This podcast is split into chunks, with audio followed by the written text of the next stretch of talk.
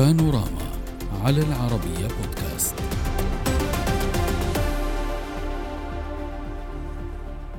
بينما تراقب الأنظار ما ستسفر عنه قمة حلف شمال الأطلسي في ليتوانيا من نتائج تتعلق بملفاتها الساخنة من الحرب في أوكرانيا إلى انضمامها للناتو إلى عضوية السويد ووحدة الحلف ودفاعاته.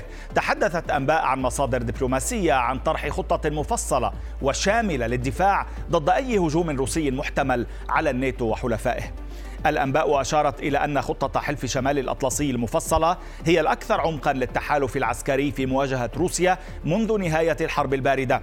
وربما ستشكل تحديا جديدا للحلف الذي تخلى منذ فترة طويلة عن الحاجة إلى خطط دفاعية واسعة النطاق. رويترز نقلت عن خمسة دبلوماسيين اتفاق دول الحلف حول خطط توضح بالتفصيل كيفية الرد على أي هجوم روسي متجاوزا عقبة تركية أمام الاتفاق. طبعا أنقرة وبحسب وصف الحلف كانت تمنع الموافقة على خطط الحلف الإقليمية بسبب الصياغة المتعلقة بمواقع جغرافية مثل قبرص. الدبلوماسيون أضافوا أن الحلف ومن خلال تحديد خططه الإقليمية سيقدم إرشادات للدول الأعضاء حول كيفية ترقية قواتها والجوانب اللوجستية اللازمة. فيما أعلن الأمين العام لحلف شمال الأطلسي عن رفع مستوى الإنفاق العسكري للتحالف إلى مستوى متزاون يكفي أو متوازن يكفي لتجهيز نحو 300 ألف جندي. بالتزامن حذر السفير الروسي لدى الولايات المتحدة من أن العلاقات بين موسكو والغرب تتجه نحو السيناريو الأكثر سلبية وهو المواجهة بين روسيا وحلف الناتو.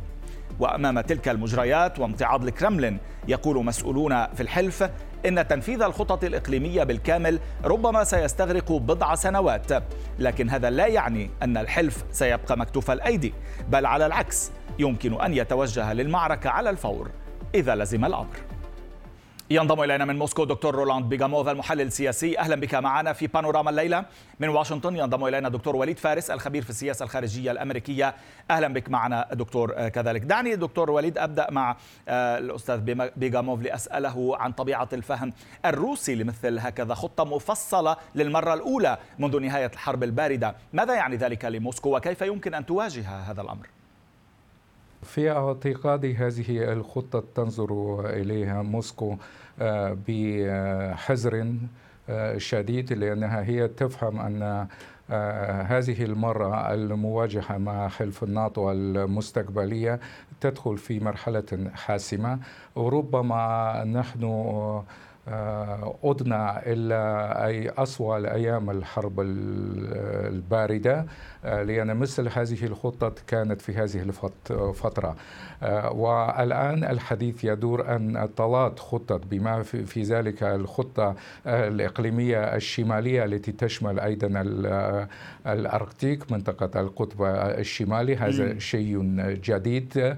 وأيضا هناك وسط أوروبا وأيضا منطقة المتوسط والبحر الأسود. هذا كله آه، يدل على ضرورة تغيير روسيا استراتيجياتها في مثل هذه الظروف واتخاذ إيجاد موارد جديدة ووضع خطة جديدة لهذه المواجهة المستقبلية. آه، إذا صارت طبعا ولكن للأسف الشديد ما نشهده اليوم هو أن الحلول العسكرية سائدة الآن والصراع مستمر صحيح في المنطقة الجغرافية المحدودة ولكن هناك إمكانية آه، أن تتحول في المستقبل إلى حرب مباشرة بين روسيا ودولة من دول الحلف وبالتالي يتداعى الحلف كله لمساعدة هذه الدولة. هل هذا منطقي وواقعي كتحليل من الآن دكتور وليد أو أنه فقط كله مرتبط بتداعيات الحرب الروسية الأوكرانية وبالتالي جزء من الحرب النفسية أو التحضير الواجب فقط وليس أكثر؟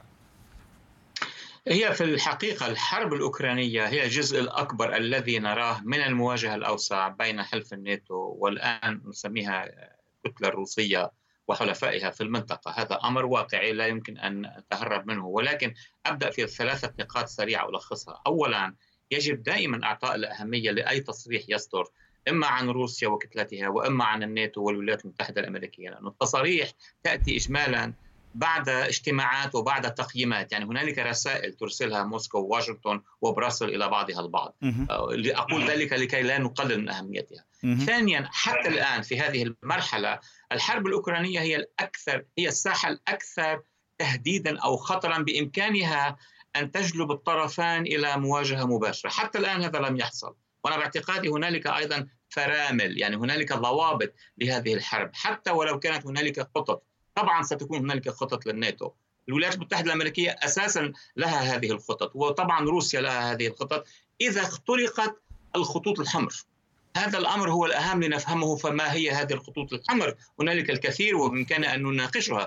ولكن دعني أعود إلى هذه النقطة لاحقا. ولكن آه، بما أنك تحدثت عن أهمية التصريحات آه، لفت تصريح ستولتنبرغ آه، على هامش القمة بأنه الناتو فعلا بدأ بتدريب وإعداد الجيش الأوكراني منذ عام 2014 طبعا الغرب يعني يتحجج بموضوع ضم روسيا لشبه جزيرة القرم ولكن قد يبدو ذلك للبعض ولا انه على أنه تحضير فعلي حقيقي من الغرب لزج روسيا بصراع من هذا النوع لاحقا.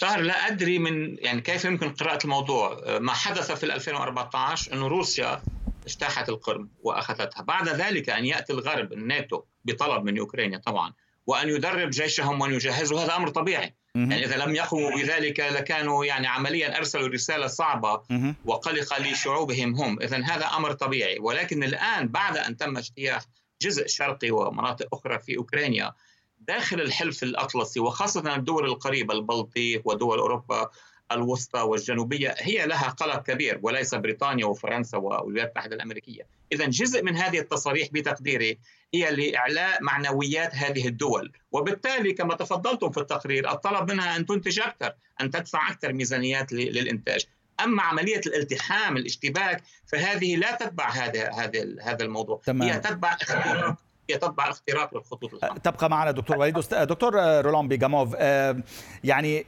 باعتقادك آه، هذا الموضوع هل يأتي يعني كاعتراف من قبل الناتو آه، لسبب معين لهدف معين من قبل ستولتنبرغ عندما يقول بأنه فعلا وهذا اعتبرته كل أنباء العالم اعتراف. آه، الآن بأنه بدأ فعلا في 2014 رغم أنه آه، يأتي مع عدم توجيه دعوة رسمية لأوكرانيا بالانضمام إلى الناتو ورغم الإحباط الأوكراني من ذلك. أعتقد أن هذه القصة بدأت بالفعل في عام 2008 أثناء عندما صدرت مذكرة بوخارست وتم هناك الحديث عن دعوة يعني الشراكة مع جورجيا وأوكرانيا وبدأ الكلام عن انضمام هاتين الدولتين إلى حلف الناتو ولكن في نفس الوقت لم يتم إعطائهم أي خطة لهذا الانضمام. وهذا أثار القلق الروسي لأن قبل ذلك روسيا عاشت وتعايشت مع خمس موجات لتوسع حلف الناتو بما في ذلك البلطيق. ولكن عندما الأمر بدأ يخص أوكرانيا. أوكرانيا بالنسبة إلى روسيا تاريخيا هي قلب الأمة الروسية. كييف عاصمة أوكرانيا هي أم المدن الروسية؟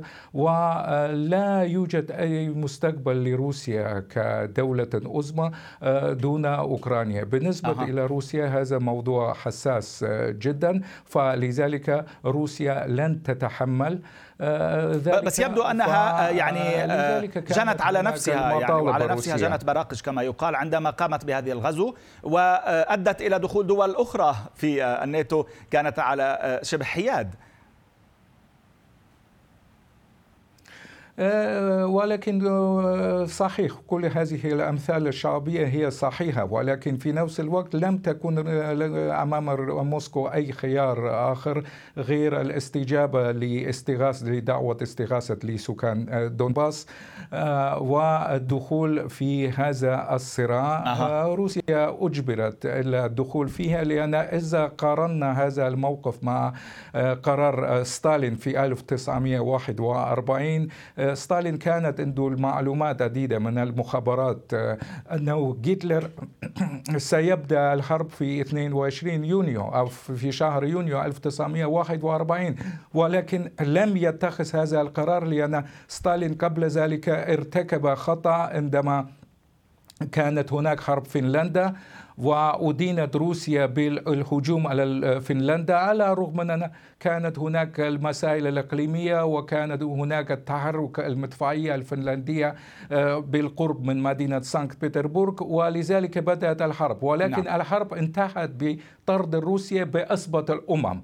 كانت هناك أزمة الأمم. صحيح. فلذلك لذلك هذه المرة يعني في 1941 لم يبدأ ستالين الحرب مع هتلر لأن كان عارف أنه في هذه الحالة سيكون العالم الغربي كله ضده بما في ذلك إنجلترا والولايات المتحدة. ستالين حينئذ تمكن من تقسيم المعسكر الغربي ولكن الاتحاد السوفيتي خسر 27 مليون نسمة في هذه الحرب وخلال ثلاث أشهر ونصف القوات الألمانية كانت أمام موسكو. وبعدين استغرقت الحرب أكثر من أربع سنوات. نعم. فلذلك هذه المرة روسيا أخذت الدرس وقامت بهذه العملية العسكرية وهي الاستباقية لتفادي سيناريو عام 1941 ابقى معنا. دكتور وليد لماذا يعني يبدو من المستحيل أو من الصعب على الأقل على أمريكا ودول الغرب أن تتفهم المخاوف آه، الروسية على وجودها على أمنها القومي آه، ما الفائدة المرجوة من الغرب من كل ذلك؟ يعني في الغرب بشكل عام براسل وطبعا هنا في الولايات المتحده الأمريكية هنالك سؤالان على الصعيد التاريخي لأنه سمعنا كثيرا من الملاحظات الثقيلة على الصعيد آه، التاريخي. اولا هل هنالك فارق بين التاريخ السوفيتي وكل ما يقال عن تلك المراحل والتاريخ الروسي؟ إذا كان نفس التاريخ يعني التاريخ العسكري السوفيتي والتاريخ الروسي ما هو ما كانت قيمة الثورة في 1991 أو التغيير الذي حصل على أيام يلسن؟ هذا سؤال كبير لم يناقش حتى بين الطرفين. ثانيا بالنسبة لأوكرانيا جميع الدول الكبرى والمتوسطة والصغيرة لها أراضٍ تاريخية بمكان ما. إذا نظرت إلى خارطة أوروبا يعني كل هذه الدول خسرت أراضي قومية. المهم الآن بنظر القانون الدولي الآن النقطة الأساسية التي تناقش لا كييف لا تناقش؟ لأنه كييف هي عاصمة لدولة قائمة إلى ما هنالك. ولكن المناطق التي فيها شعوب أو جاليات أو ناس تتكلم الروسية وتشعر بأنها قريبة من روسيا هذا يمكن الكلام عنه. يعني عن هذه المناطق ما هو مصيرها إلى ما هنالك. وربما أنا أضيف أكثر من ذلك ولا يوافق يوافقني الكثيرين في واشنطن أنه أحد الخطوط الحمر الروسية بتقديري هي شرق أوكرانيا والقرم. وبحر أزوف. هذا يعتبر إذا تم الاقتراب منهم أكان الحلف أو أوكرانيا هذا سوف يؤدي إلى مواجهة كاملة. ولكن باقي المناطق يعني يجب النقاش حولها على الصعيد الديمقراطي والسياسي وربما ما يسمى بال referendum لحل تلك المواضيع وليس بال بس تقول بعض المعلومات إنه من الروس إنه وصلوا إلى ما يعني يشبه الاتفاق الكامل حتى إنه زيلينسكي كان قابل إلا انه الغرب ضغط عليه والولايات المتحدة يعني طبعا بشكل أساسي ومنعته من ذلك. هذا لا أدري. هنالك عدة روايات. رواية تقول أنه زيلينسكي توصل والغرب ضغط عليه لأنه يريد حروب إلى ما هنالك وأطراف أخرى تقول أنه المجموعة القومية داخل أوكرانيا والتي يرأسها الرئيس زيلينسكي هي التي قالت أنا لن أقبل لأنه بايدن يبدو كان يتكلم عن هنالك بعض الأمور بإمكاننا أن نفتح حوار حولها. هذا بالنسبة للرئيس بايدن هنا على الأقل وربما الرئيس الفرنسي. ويتهمون إنه المجموعة القومية في أوكرانيا تريد آخر شبر من آخر أراضي أوكرانية حتى الوصول إلى الحدود الروسية.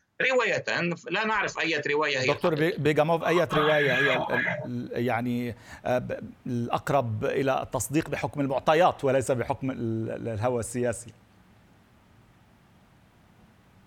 آه، أنا أعتقد أن الرواية التي تقول أن هذه كان الجناح المتطرف في أوكرانيا هي طبعا آه، هناك نوع من الحقيقة في هذه الرواية ولكن أهم من ذلك هو الموقف الأمريكي لأن أوكرانيا أوكرانيا يعني وقعت على هذه الاتفاقية في إسطنبول. كانت اتفاقية مريحة جدا بالنسبة للأوكرانيين حتى تم الحديث عن التنازل آه، عن أن أن لمدة 15 عاما أن موضوع القرم تعليق وضع القرم وإجراء ال referendum أو الاستفتاء العام هناك. صحيح. وبعد ذلك كانت هناك خطوة حسن النية روسيا بعد ذلك وصل السيد بوريس جونسون إلى كييف وانقلبت جميع الأمور. أنا أعتقد هذا الجانب البريطاني في الدرجة الأولى هو الذي ضغط على القيادة الأوكرانية. عموما لو لو بقي الدعم الغربي ربما لما استطاعت المجموعة القومية في الداخل أن تضغط. يعني لولا استمر الدعم الغربي لأنه لن يكون بمقدورها عسكريا أن تفعل ذلك على الأقل. دكتور بيجاموف باختصار هل روسيا عندما قلت لي بأنها أرادت أن تحافظ على أمنها القومي وعلى وجودها هل هي في وضع وجودي أفضل الآن بعدما قامت بغزو أوكرانيا؟ نعم هي في وضع أحسن آه، للأسف الشديد لأن هذه الحرب بين الأشقاء وهو اقتتال الأشقاء وأنا شخصيا أراه آه، كالحرب الأهلية المرحلة نعم. هذه الحرب كان مفروض أن تبدأ في 1991 عندما انحار الاتحاد السوفيتي بقرار تعسفي لثلاث رؤساء الجمهوريات. السيد يلسن كان رئيس جمهورية روسيا الاتحادية والسيد السيد آه، آه، الرئيس للجمهورية أوكرانيا والسيد الرئيس البيلاروسي أنزاك اجتمعوا ثلاثة وفي انتهاك لأي دستور آه، اتخذوا قرار للانسحاب من الاتحاد السوفيتي. حتى يدون يعني إبلاغ قزاقستان ودول أخرى نعم. هذه وللأسف الشديد السيد غرباتشوف كان ضعيفا جدا. واليوم نحن ندفع فاتورة ضعف غرباتشوف. وهذه الحرب هذه الحرب التي نشهدها هي حرب مرحلة لديها علامات شديدة للحرب الأهلية لأن الروس يقاتلون الروس. 85% من سكان كييف حتى اليوم هم من الناطقين باللغة الروسية. تمام. دكتور وليد عندك ملاحظة؟ حسيتك آه، بدك تقول شيء؟ لا ملاحظة سريعة أنه على الصعيد التاريخي يصعب جدا. دائما إعادة إلى الوراء وتحليل ما جرى ولكن أنا أعتقد إنه حق الجمهوريات كان مضمونا بأن تنسحب إذا أرادت ولكن هذا أمر يتعلق بهم.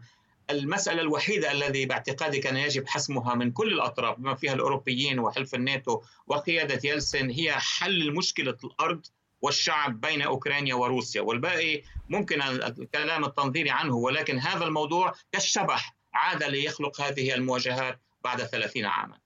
شكرا جزيلا لك دكتور وليد فارس الخبير في السياسة الخارجية الأمريكية من واشنطن. شكرا دكتور رولان بيغاموف المحلل السياسي من موسكو. تحياتي إليكما. إلى اللقاء.